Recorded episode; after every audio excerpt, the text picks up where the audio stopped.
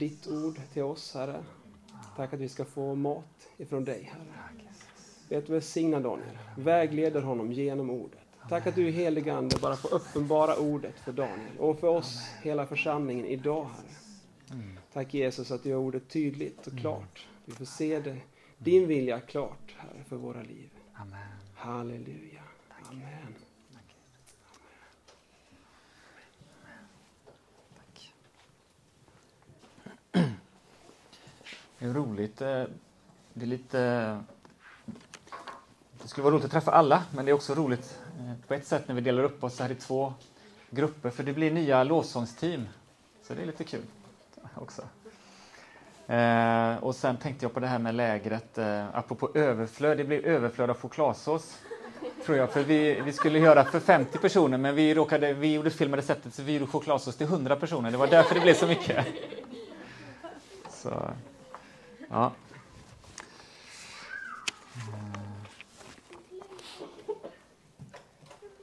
Så eh, vi har haft, eh, och vi har här under hösten undervisning från eh, Romarbrevet i Bibeln, kapitel 3 till 8, eller kapitel 1 till 8.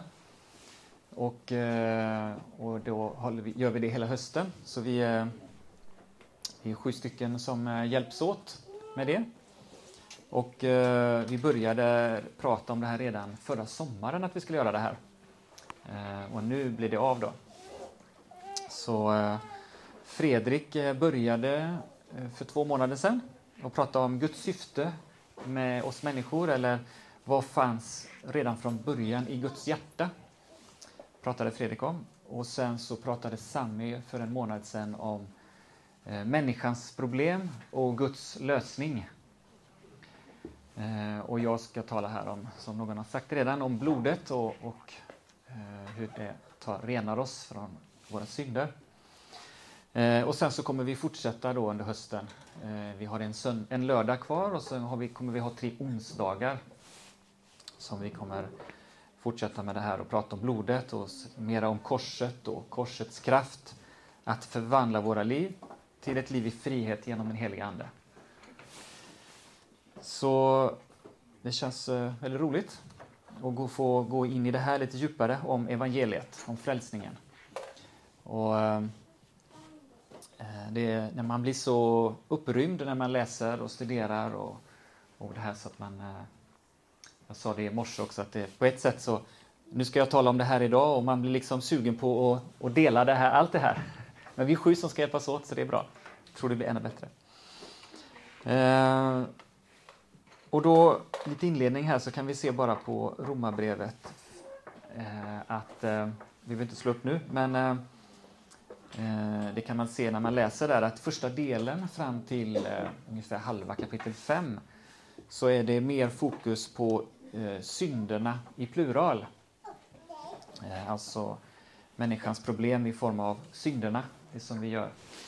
Och från ungefär mitten på kapitel 5 och fram då eh, till, till och med kapitel 8 så är det mer fokus på synden i singular som en synd, eller som ett fenomen, synden. Så synderna och synden. Eh, och den första delen den handlar om de synder som jag har gjort inför Gud, mina syndiga handlingar. och de är många och de är specifika, de är konkreta.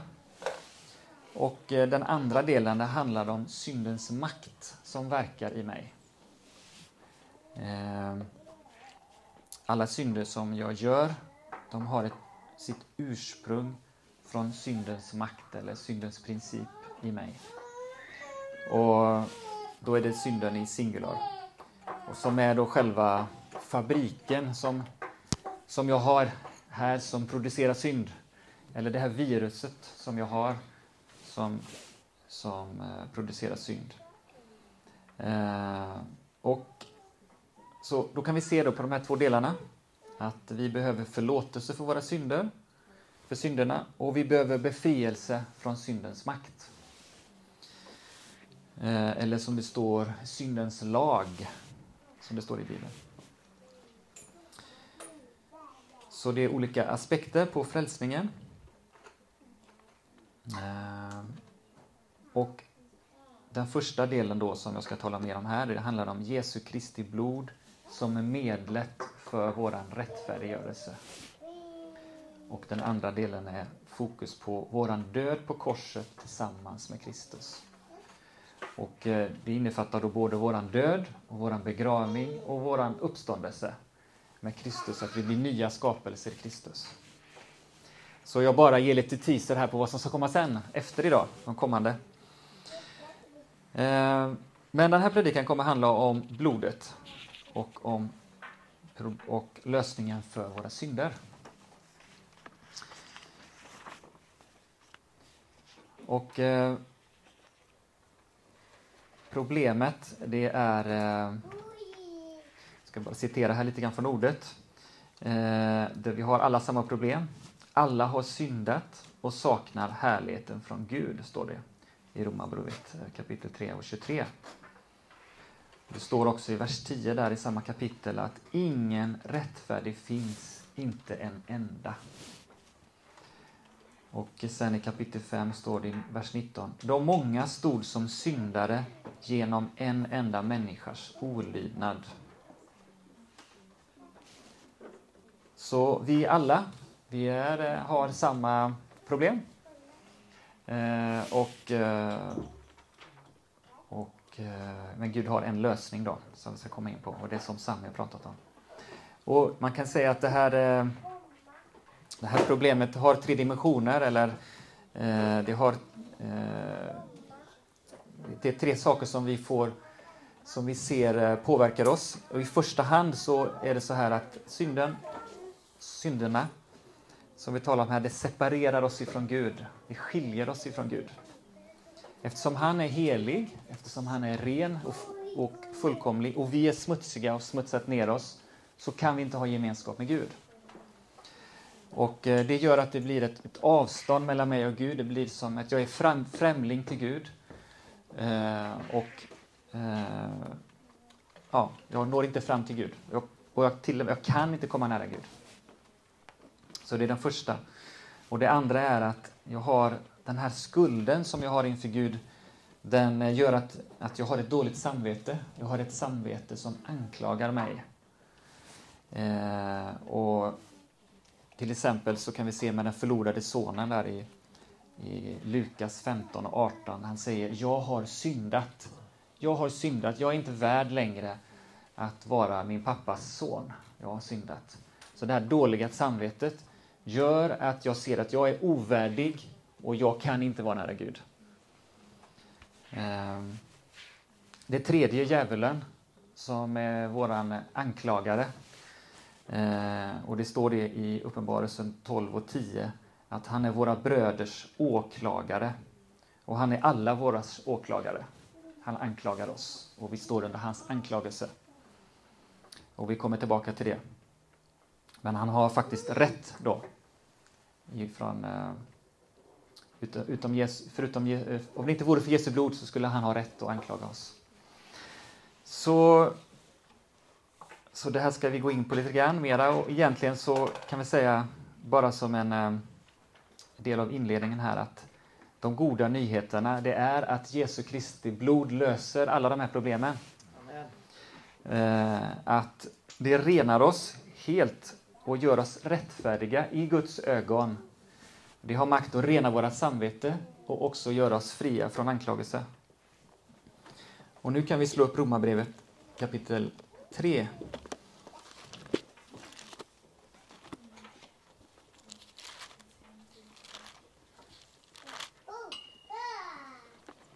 vers 24 och 25. Så Romarbrevet 3, 24, 25.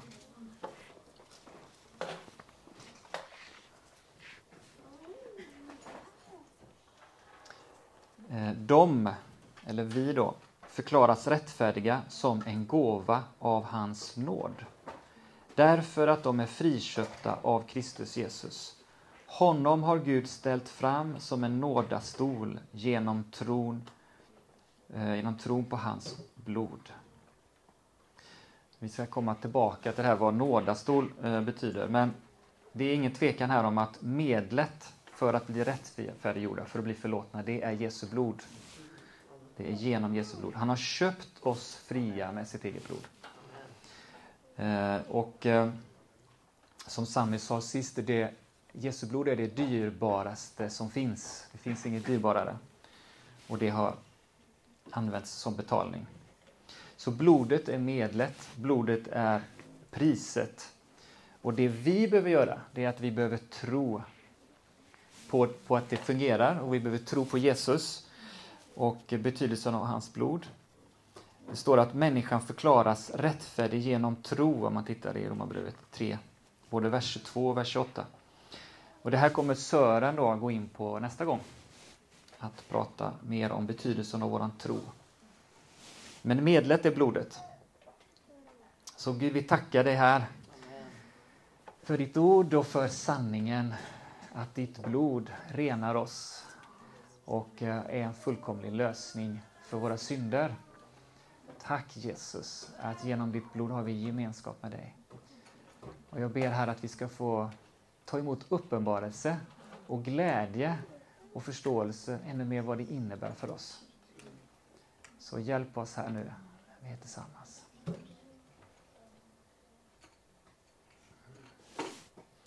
Så egentligen här, eh, på ett sätt så är det här eh, det är klart. Vi, vi har här svaret. Men vi ska gå lite djupare och titta lite mer eh, på betydelsen av blodet. Och som jag sa, det är först och främst inför Gud som blodet bärs fram inför Gud för vår räddning. Eftersom det är försoning för våra synder. Och det är inte så att det är inte så att Gud har överseende med våra synder på grund av blodet. Alltså, utan det är så att Gud värderar blodet från Jesus Kristus så högt så att han, eh, det gäller som betalning. Det är så värdefullt så det gäller för betalning för att rädda en människa och alla människor från synden, från döden. Eh, så Gud accepterar det som ersättning för, mot våra synder. Så accepterar Gud blodet. Och det här med försoning som det står, eh, det är ju ett fantastiskt ord egentligen. Det är ett väldigt vackert ord.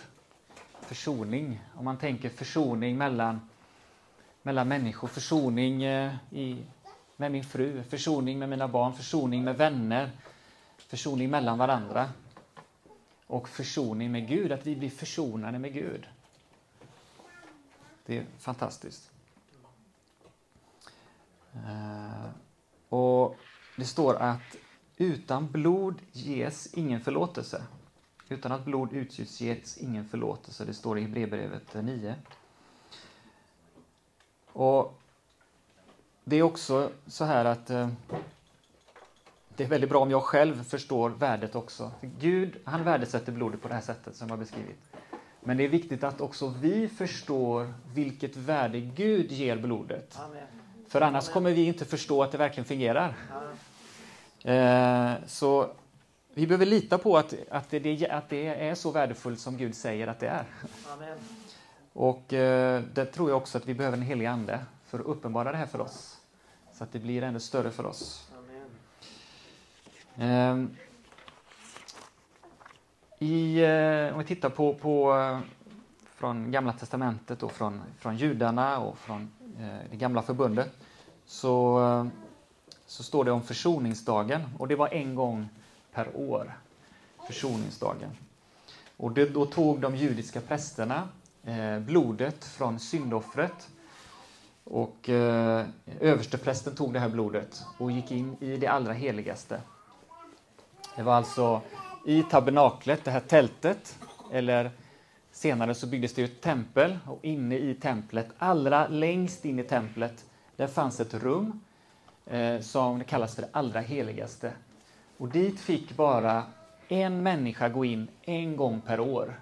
Och det var översteprästen, den högsta av prästerna. Och han kunde inte gå in där hur som helst, utan han var tvungen att ha med sig blodet från offret när han gick in där.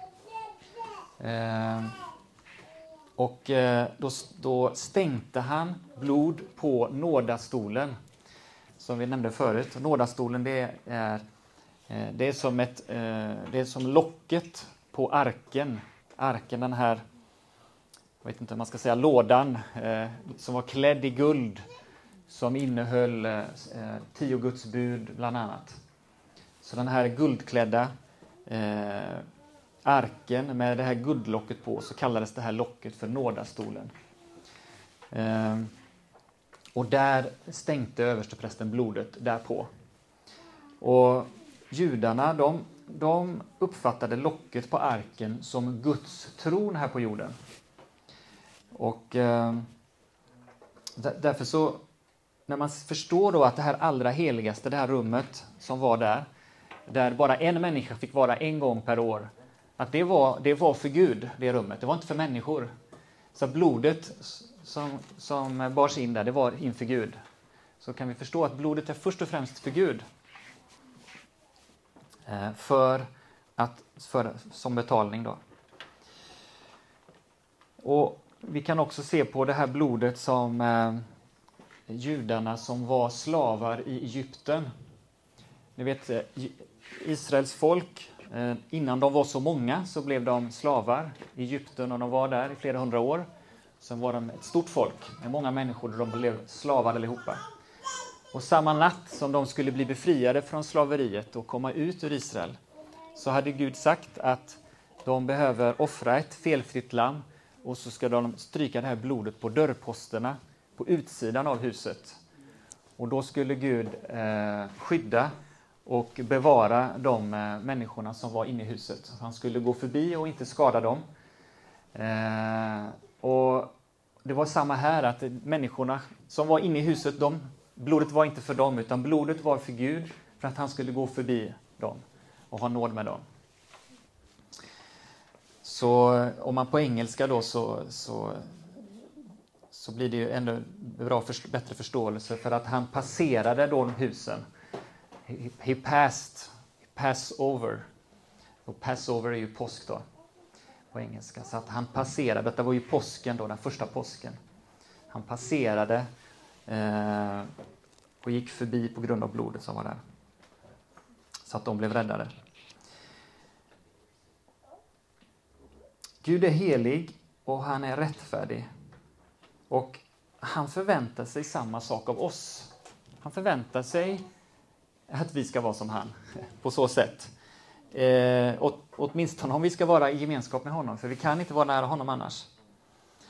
Eh, vi kan inte leva med synd inför honom och tillsammans med honom.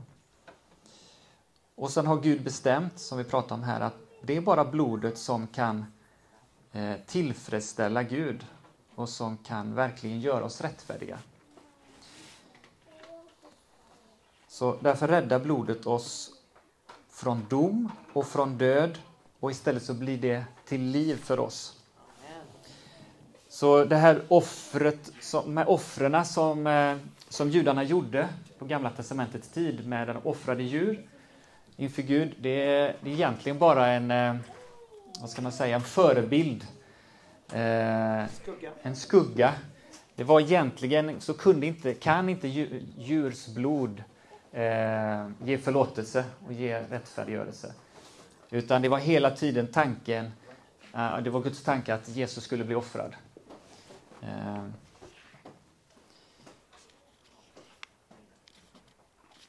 Och det här är ju, det kan ju vara ganska abstrakt för oss det här. Hur, kan, hur funkar det här?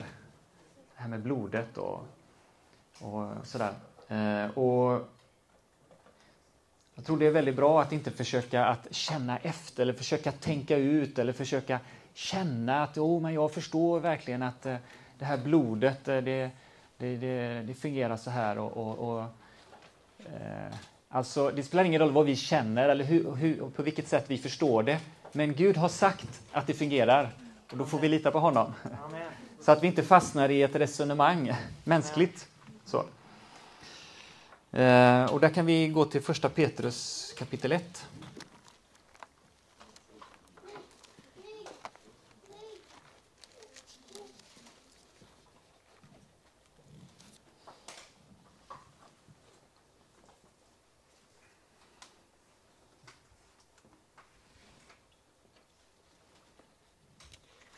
Eh, kapitel 1, vers eh, 18 till 19. Ni vet ju att det inte var med förgängliga ting som silver eller guld ni blev friköpta från det meningslösa liv ni ärvt från era fäder. Nej, det var med Kristi dyrbara blod, som med blodet av ett lamm utan fel och brist. Han var utsedd redan före världens skapelse, men har nu i den, dessa sista tider uppenbarats för er skull. Genom honom tror ni på Gud, som har uppväckt honom från de döda och gett honom härlighet, så att er tro och ert hopp står till Gud.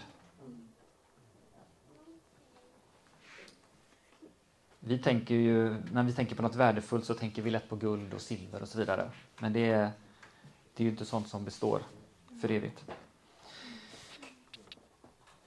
Så den första är att eh, det är giltigt, blodet är giltigt och det är tillräckligt för Gud. Så då behöver vi också acceptera att det är tillräckligt. Och då kommer vi egentligen in på det här som handlar om oss själva. Att eh, det är i första hand för Gud, men det är också för oss själva, för att rena våra samveten. Eh, därför att eh, på grund av Jesu blod så behöver vi inte längre ha dåligt samvete. Vi behöver inte gå tyngda med dåligt samvete. Och vi behöver aldrig tänka att vi kan inte vara med Gud. Att vi kan inte vara inför Gud. Eh, det finns inte längre något mellan oss och Gud. Eh, och vi kan gå till Hebreerbrevet kapitel 10.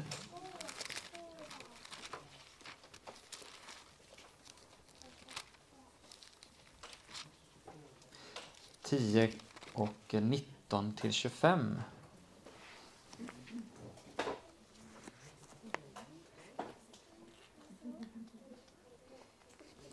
Bröder, i kraft av Jesu blod kan vi därför frimodigt gå in i det allra heligaste, på den nya och levande väg som han öppnat för oss genom förhänget, det vill säga sin kropp.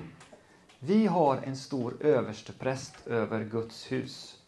Låt oss därför gå fram med ärligt hjärta i trons fulla visshet, med hjärtat renat från ont samvete och med kroppen badad i rent vatten.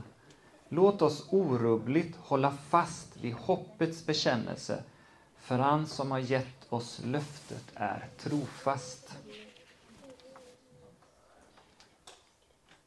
Och även, jag kan läsa vers 24 också, där synderna är förlåtna behövs det inte längre något syndoffer. Så vi behöver inte göra oss själva till offer, eller straffa oss själva, eller tänka dåligt om oss själva, eller nästan eh, tycka att det är bra att jag känner mig dålig och på att, på att det skulle behaga Gud. Att Gud skulle bli glad om jag känner mig dålig för att jag har syndat. Men det är fel. Därför att han har ju redan betalat prisen. Han har ju redan gjort oss fria. Han vill inte att vi ska gå tyngda, ha dåligt samvete, helt i onödan. Så här står det att vi får gå frimodigt in i det allra heligaste ärligt hjärta, trons fulla visshet. Och vi behöver inte ha något ont och dåligt samvete. Så vi får hålla fast vid det hoppet, att vi hoppas, vi tror på Gud. Det gäller, det fungerar. Ehm. Och så vi behöver, eh, vi behöver aldrig tänka att jag är diskvalificerad. Eller jag har, nu har jag förstört det här. Nu har det varit så, gått så dåligt idag, det har varit så dålig dag idag, så jag kan inte vara i Guds närhet. Han vill inte vara med mig. Eh, för, för jag, men man, man, förstår att jag är en syndare. Eh, jag tycker det är eh, intressant, eh, det, jag kan bara citera vad, vad Jesus säger i Markus 2.17.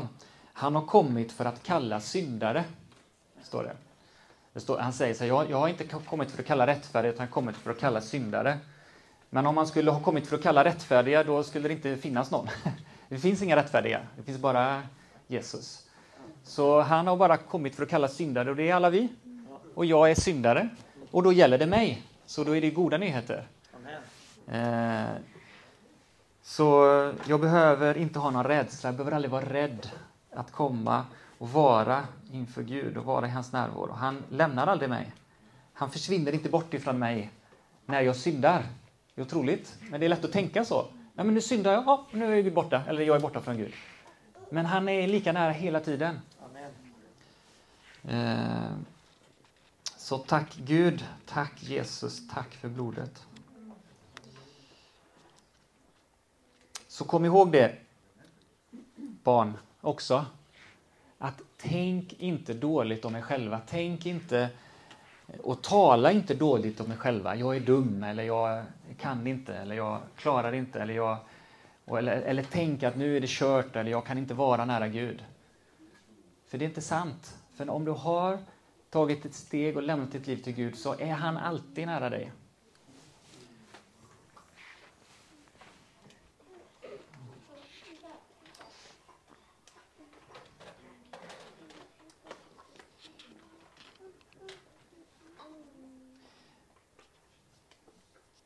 Och jag har tänkt lite grann så här förut. Eh, det blev mer tydligt för mig nu när jag i de här förberedelserna och det som vi har jobbat med här om frälsningen, och blodet, att, att det är lite grann lätt att tänka att det är någonting som hände för 2000 år sedan. Att det liksom ligger bakåt. Antingen tänker man att det hände för 2000 år sedan, det var då blodet, det var då det hände någonting med blodet. Eller, eller när jag blev frälst, när jag lämnade mitt liv till Gud, det var då det, som det skedde någonting, då blev jag förlåten. Men blodet är lika aktuellt idag som det var igår. Amen. Eller som för länge sedan. I, i, det. Blodet fortsätter att verka hela tiden, varje dag. Så det är egentligen, eh, även idag är det på grund av blodet som jag kan ha en gemenskap med Gud. Hade det inte varit för blodet så kunde jag inte vara nära Gud idag heller, även om jag var det igår. Så det är blodet hela tiden renar och är det som eh, gör att jag kan vara i gemenskap med Gud och ha rent samvete. Det är aldrig min egen prestation, inte att jag har gjort bra saker. Det är inte ens min helgelse, helgelsen i mitt liv. Det är inte det som gör att jag är nära Gud. Utan det är på grund av Jesu blod. Och det står så här, salig eller lycklig är den som, ha, som Herren inte tillräknar synd. Det står i Romarbrevet 4.8. Eh, alltså, Lycklig är den, lyckliga är vi då, när Gud, eftersom Gud inte räknar med våran synd. Han räknar inte med den. Den är borta. Och då är det ju dumt om vi gör det, eller hur? När han inte räknar med den, så behöver inte vi göra det. Utan när vi lever i den här, vi, vi erkänner att vi är syndare, vi bekänner vår synd och vi är fria. Så till sist Eh, så är blodet också svar till Satan eh, som anklagar oss. Han vill alltid anklaga oss. Eh, han är expert på det och han är inte alls eh, rättvis heller. För han ljuger också hela tiden för oss. Han ljuger och han är expert på att ljuga. Det står att han är lögnens fader. Han är pappa till alla lögner. Eh, och... Eh, nu ska vi se, jag tappar bort mig. Men om vi tänker att det inte vore för Jesu blod så har faktiskt Satan en rättighet att anklaga oss. Därför att vi har syndat. Eh, så det finns då en barriär mellan oss och Gud. Det finns ett hinder, det finns en mur som vi inte kan komma över. Och, eh, och Gud, han eh, tar inte bort den muren. Och när, när Satan anklagar oss så har han rätt att anklaga oss och han har rätt att döma oss på så sätt. Eh, men på grund av blodet så är den här muren borta. Den här barriären är borta, så den finns inte längre. Så när, när Satan kommer till Gud och anklagar oss. Nu Daniel, nu har Daniel gjort det här. Eller nu har Elias gjort det här. Och då säger Gud, då pekar Gud på Jesu Kristi blod. Amen. Men eh, se på blodet här. Det priset är betalat. Han har ingen skuld längre. Så, så Gud själv, han pekar inte på våra fel och han erkänner inte våra fel när Satan anklagar oss, utan han pekar på blodet och vi ska göra samma sak. Amen. När Satan kommer till oss och anklagar oss och ljuger för oss, och han kanske inte ens ljuger, det kanske är sant. Jag har verkligen gjort fel. Men jag kan ändå peka på blodet och säga, jo men jag är fri, jag vet att jag är syndare, jag vet att jag har gjort fel, men jag är fri på grund av Jesu blod. Så du kan gå iväg. Jag tänker inte ta emot din anklagelse. Amen. Jag tänker inte gå omkring med anklagelse med fördömelse.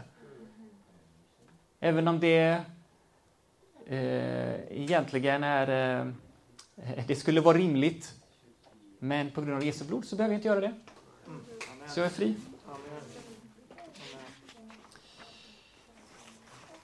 Och Ett annat fel som vi kan göra det är att vi börjar argumentera med oss själva eller med Satan. Att vi eh, tittar på oss själva och så antingen så tittar vi på oss själva och så ser vi att ja, vi är så dåliga som man säger och så ger vi upp. Eller så tittar vi oss själva och jämför oss med andra och så har vi argument och men jag har ändå gjort det och det var inte så dåligt. Och det, ja. Men vi kommer aldrig vinna den argumentationen mot Satan för han anklagar oss och han, tyvärr har han rätt många gånger. Men vi är fria på grund av blodet, så vi kan släppa den diskussionen. Vi vet att vi är syndare. Men vi vet att vi är renade genom blodet.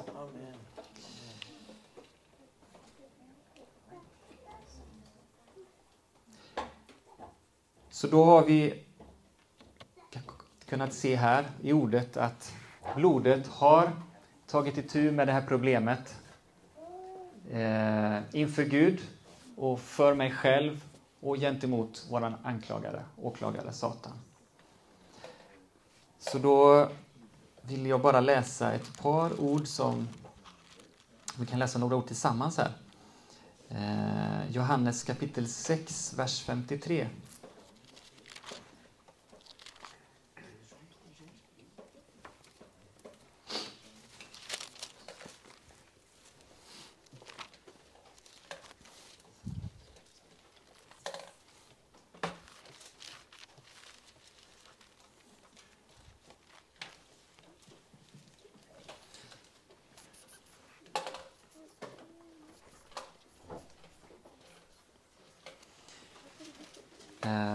53 till 56.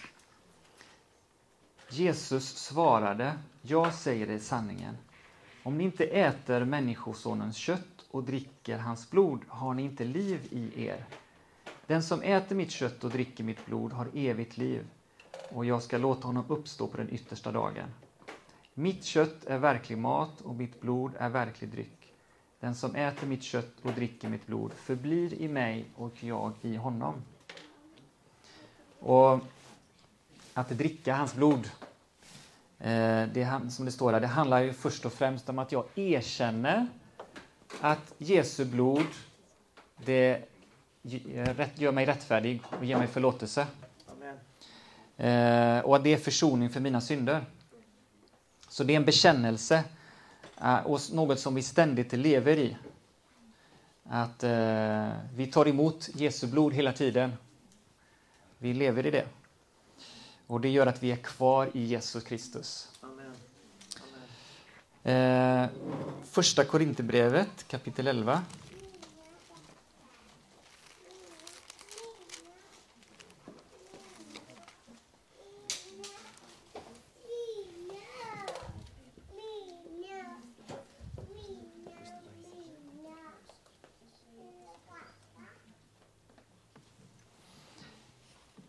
Vers 25 till 26 där. Denna bägare är det nya förbundet i mitt blod. Så ofta ni dricker av den, gör det för att minnas mig. Så ofta ni äter detta bröd och dricker denna bägare förkunnar ni Herrens död till dess han kommer. Så när vi äter Herrens måltid med bröd och vin så påminner vi oss själva, vi påminner varandra eh, om vad Jesus har gjort. Och Det står att vi förkunnar, eller predikar, men att vi också erkänner och vi tar emot vad Jesu död och Jesu blod betyder. Och Det gör vi om och om igen och det kommer vi hålla på att göra tills han kommer tillbaka. Så kommer vi påminna oss om vad han har gjort och vad det betyder för oss och, och att han kommer tillbaka. Sista ordet är Hebreerbrevet 9, 26-28.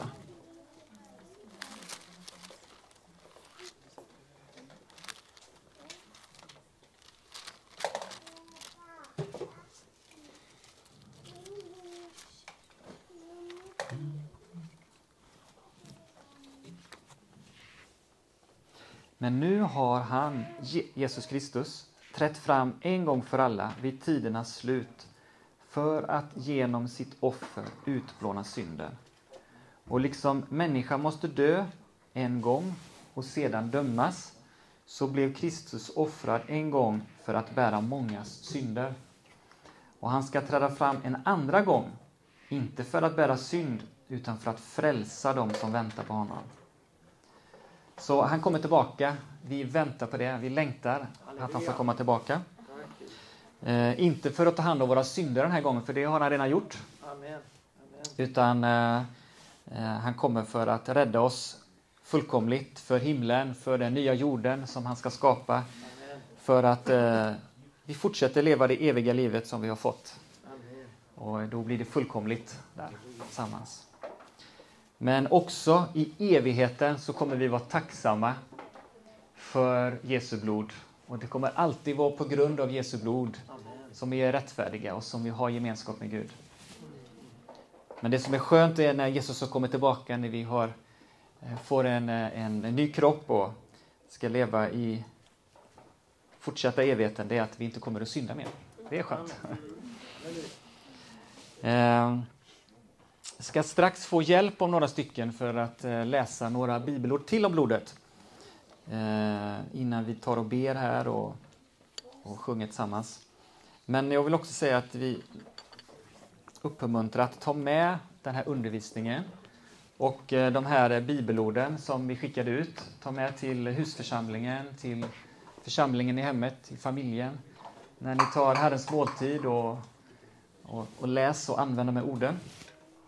Och jag har faktiskt en utskriven här om någon inte har fått den här skickad till sig så kan man få en kopia. Eller om man har fått det skickat med en kopia. Och så får vi be att Gud får uppenbara, att Anden får uppenbara för oss mer vad det här värdet är av blodet. Vilken kraft det är, vilket liv det har, vilken betydelse det har för oss varje dag. För jag tror att då kommer vi uppskatta blodet mer. Och vi kommer att uppskatta det offret som Jesus har gjort ännu mer. Så om vi pratar mer om det här, om vi pratar om det och, och ja, vi tackar Gud tillsammans då kommer det också bli att vi pratar om det med andra. Vi värdesätter det så mycket så vi pratar om det med andra också, som inte känner Gud ännu. Så Gud, jag ber här om att du ska uppenbara för oss ännu mera. Tack för dina ord som vi har läst här. Och vi ber heliga Ande att ordet här ska bli uppenbarat för oss. Att eh, det dyrbara blodet från Jesus Kristus att det inte blir något abstrakt långt borta för oss, men att det blir något nära, konkret för oss. Som gör att vi kan leva också i större frihet, än, eh, att med rent samvete, utan anklagelse. Så uppenbara för oss, helige Ande. Tack att det är goda nyheter, att vi kan erkänna att vi är syndare, men att det finns ett pris som är betalt. Tack att det gäller varje dag för oss, varje morgon, varje kväll, oavsett vad vi har gjort. Så går vi inte bort ifrån dig, utan du renar oss och vi kommer till dig och du renar oss och vi har gemenskap med dig hela tiden.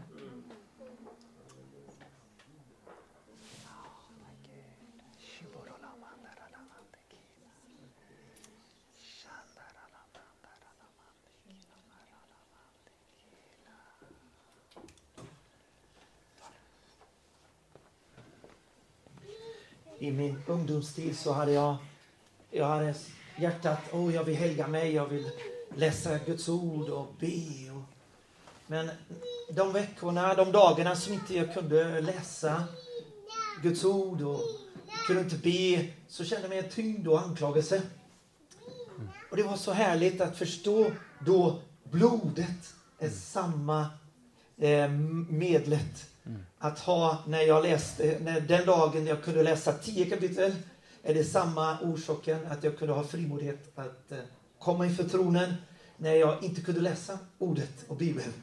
När jag kunde inte be så var samma orsak att det var- bara på grund av Jesu blod. Amen. Och inte på grund hur duktig jag varit att läsa ordet eller att be. Amen. Det fortsätter idag också.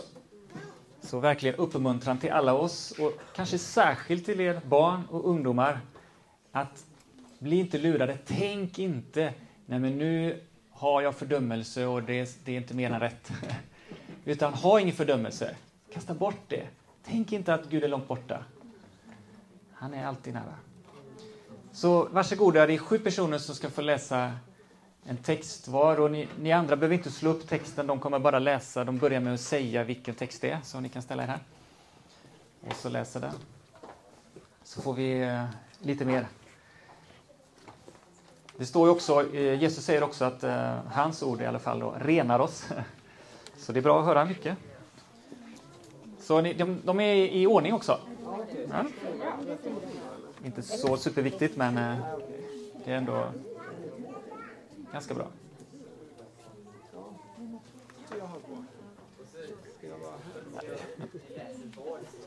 Ja, ja precis. Ja, det ska jag göra. Ja.